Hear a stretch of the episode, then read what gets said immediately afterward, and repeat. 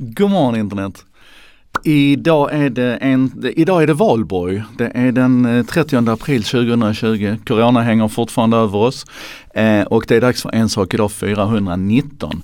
Och jag ska börja med bara en sån här sidonotering. Jag läste precis på Omni här nu i morse att man hävdar att Lunds universitet släpper app för smittspårning. Nej, nej, nej, nej, det gör man inte alls. Det man släpper är ett slags glorifierat enkätverktyg som används för att kartlägga smittspridning. Det är något helt annat. Eh, tanka gärna hem appen, använd den. Jag tror inte att det är någon större fara med den. Eh, men däremot så är det ju inte heller alls den lösningen som man har pratat så mycket om här nu på kontaktspårning och sånt. Så att skärpning där Omni. Jag älskar er men skärpning för bövelen. Eh, chattbottar eh, och AI och all that yes. Det här är så spännande för att ni vet vi har länge pratat om chattbottar. Jag stod på Facebooks utvecklarkonferens F8 i USA förra året och lyssnade på en föreläsning från Air France där de berättade om hur otroligt duktiga de var på chattbottar. Under tiden som jag stod och lyssnade så gick jag in och testade deras chattbot och jag måste säga att den var verkligen dum som ett spån. Fruktansvärt tråkigt och dåligt var det. Eh, samtidigt händer det ju mycket på det här området med konversationer mellan människor och maskiner. Eh, eh, Googles, eh, Google Assistant, jag gillar verkligen deras continued conversations där du kan fråga vem är president i USA och så svarar den Donald Trump och så säger du vem är hans fru? Och så svarar den Melania Trump och så frågar du var pluggade hon någonstans? Och så får du reda på att hon pluggade på Ljubljanas universitet. Underbart att kunna följa konversationer på det viset. Jag, gillar också det Google gör med duplex, alltså det här att du kan föra en, en talad konversation och att den här roboten på andra sidan stoppar in lite så här, mhm, och lite så mellanord och sådär som gör att det känns väldigt naturligt. Men i allt annat är ju duplex ganska dum också. Den är väldigt nischad. Så här, boka frisörbesök eller boka restaurangbesök. Men börjar du prata med, med duplex om meningen med livet så fallerar det ju totalt. Ett annat spännande område det är ju det som Amazon har gjort med Alexa. Där man, ni vet om man viskar till Alexa så viskar hon tillbaka. Och det är ju ett sätt att vara omtänksam och smidig och naturlig i samtalet. Men det som jag tycker är så fascinerande där, det är vilket otroligt arbete det har legat bakom det här. För att när vi går ifrån att prata med hela munnen till att viska så förändras allting vad gäller röstigenkänning och rösttolkning och sådär, taltolkning. Så att de har liksom fått lägga år av arbete på att bara lära Alexa att förstå viskat tal nästan lika bra som hon förstår vanligt tal. That said. Nu ska vi prata om chattbottar och det som har hänt nu är att, att Facebook har släppt det man kallar för Blender. Det är ett slags ett öppet ramverk för en chattbot. Det finns att, att gå in direkt på GitHub här nu och GitHub, förlåt, GitHub och börja interagera med den här om du är nördig. Du behöver kunna lite Python, bara programmeringsspråket, men sen är det fritt fram att jobba i de olika datasätten som finns där. Det finns en modell som bygger på eh, bygger på 90 eh, miljoner parametrar. Det finns en eh, modell som bygger på 2,7 miljarder parametrar och så finns det en superimponerande som bygger på 9,4 miljarder parametrar. Och det här kan du gå in och börja hacka med här nu. Det som då är speciellt med den här det är att den Ja, det är mycket som är speciellt med den egentligen för det är, så, det är så stor skala och det är ett så gediget bygge. Men det som vi kommer att märka mest av det är kanske att den, eh, man har fokuserat på att den ska kunna hantera medkänsla, alltså empathy, personlighet och kunskap. Alla de tre elementen liksom ska då blandas ihop, det är därför den heter Blender. Blandas ihop i den här och man har satt en, en, en eh, rubrik på det här som man kallar för Blended Skill Talk. Um, och det är det man eh, Blended Skill Talk kan man läsa mer om om man är nyfiken på just det.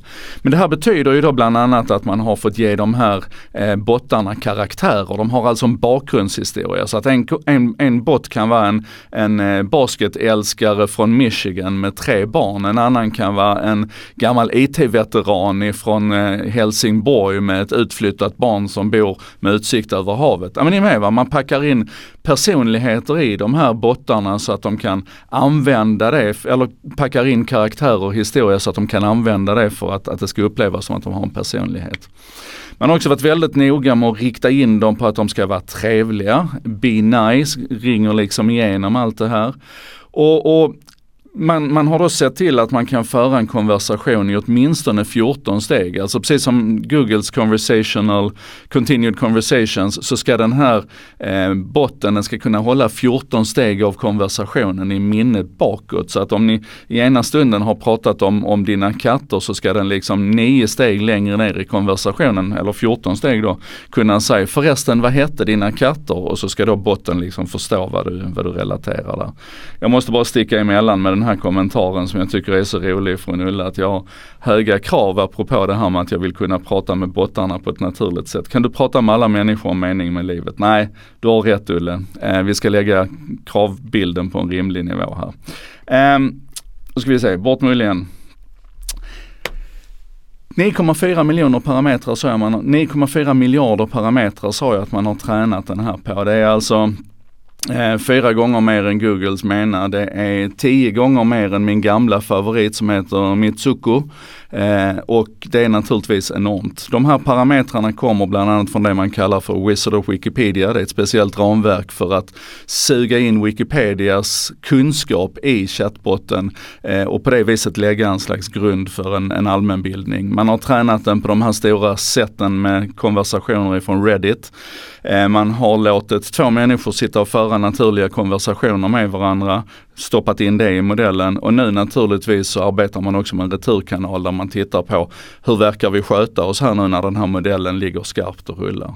Man pratar mycket om att det har varit en stor teknisk utmaning med det här, att, att liksom skala det här till 9,4 miljarder parametrar som ska interagera i varandra. Man måste dela upp konversationerna över flera neurala nätverk och det finns utmaningar med det och sådär. Men när man nu tittar på det här och utvärderar det så kan man göra det utifrån lite olika eh, eh, utvärderingsmodeller som finns. En av dem heter Acute Eval och där har man då kommit fram till att 67% av de som svarar och, och kommenterar här tycker att Blender låter mer mänsklig och 75% vill hellre engagera sig med Blender än med till exempel Mena då. Och det här är naturligtvis ett, ett jättekliv uppåt i kvalitet. Det som är lite intressant rent tekniskt också är att en bärande del av den här lösningen är baserad på det som heter Googles Transformers som är en slags eh, dialogmodell. Och då är det ju, det är ju kul här att se nu hur de här bjässarna arbetar tillsammans i, i, med, med öppna eh, lösningar. Du kan tanka hem dem på GitHub som sagt, börja interagera med dem och hur de då väver in varandras lösningar i varandra. Och det, det är naturligtvis för att man är ganska grundtrygg idag. Eh, Facebooks stora kraft är ju de användarna som de har direktkontakt med på Facebook, Instagram, WhatsApp och så vidare. Det är liksom ingen som kan rubba dem där så att, att vara bäst på AI kommer inte att vara det som definierar vem som vinner matchen i, i sociala medier. Utan här är det ju snarare så att genom att fler kan vara med och bidra så menar man då att man kommer att kunna ha bättre nytta av det internt i sitt eget, i sitt eget system också. Naturligtvis är det ju också så att det här är ju känslig teknik. Den här kan ju potentiellt användas för att lura människor och ljuga och så vidare. Och då ligger det då öppet och tillgängligt så kan ju flera ögon vara på och granska och leta missbruk och så vidare. För att avrunda det här då så är det fortfarande så att det är ganska grunt det här. Alltså man beskriver det lite grann som att vad Blender kan göra är att hallucinera kunskap, medmänsklighet och personligheter. Det är liksom, det är inte på riktigt, den har ingen egen djupare erfarenhet av vad det här betyder som den säger utan det är liksom bara ett, ett språkligt lager utanpå. De säger själva att we haven't really solved dialogue yet och det är ju för att man har inte det här, den här djupa förståelsen upplevelsen av vad det är som händer under språket. Men eh, det är ändå något spännande när man nu börjar röra sig från någon slags idé om artificiell intelligens till artificiell medmänsklighet. Um, och jag tycker vi ska hålla ögonen på det här, vi ska verkligen titta på det. Inte minst för att det här börjar bli så tillgängligt idag att det tränger fram i lite, jag, ska, jag kan nästan kalla det för vardagstillämpning. En sak som vi ska jobba med i Get AI det är ju den här tillämpade AI, att se hur de här modellerna kan komma in i, i verkligheten. Och under Hack the Crisis så hade vi flera exempel på smarta sådana här eh, konversationsrobotar egentligen som kunde göra eh, avancerade och smarta grejer. Nu, nu snurrar det i huvudet här. Jag återkommer till det i en annan En sak idag. Det här var En sak idag nummer 419. Jag heter Joakim Jardenberg. Vi ses inte imorgon för det är det första maj utan vi ses på måndag igen. Ha en fantastisk helg. Hej då!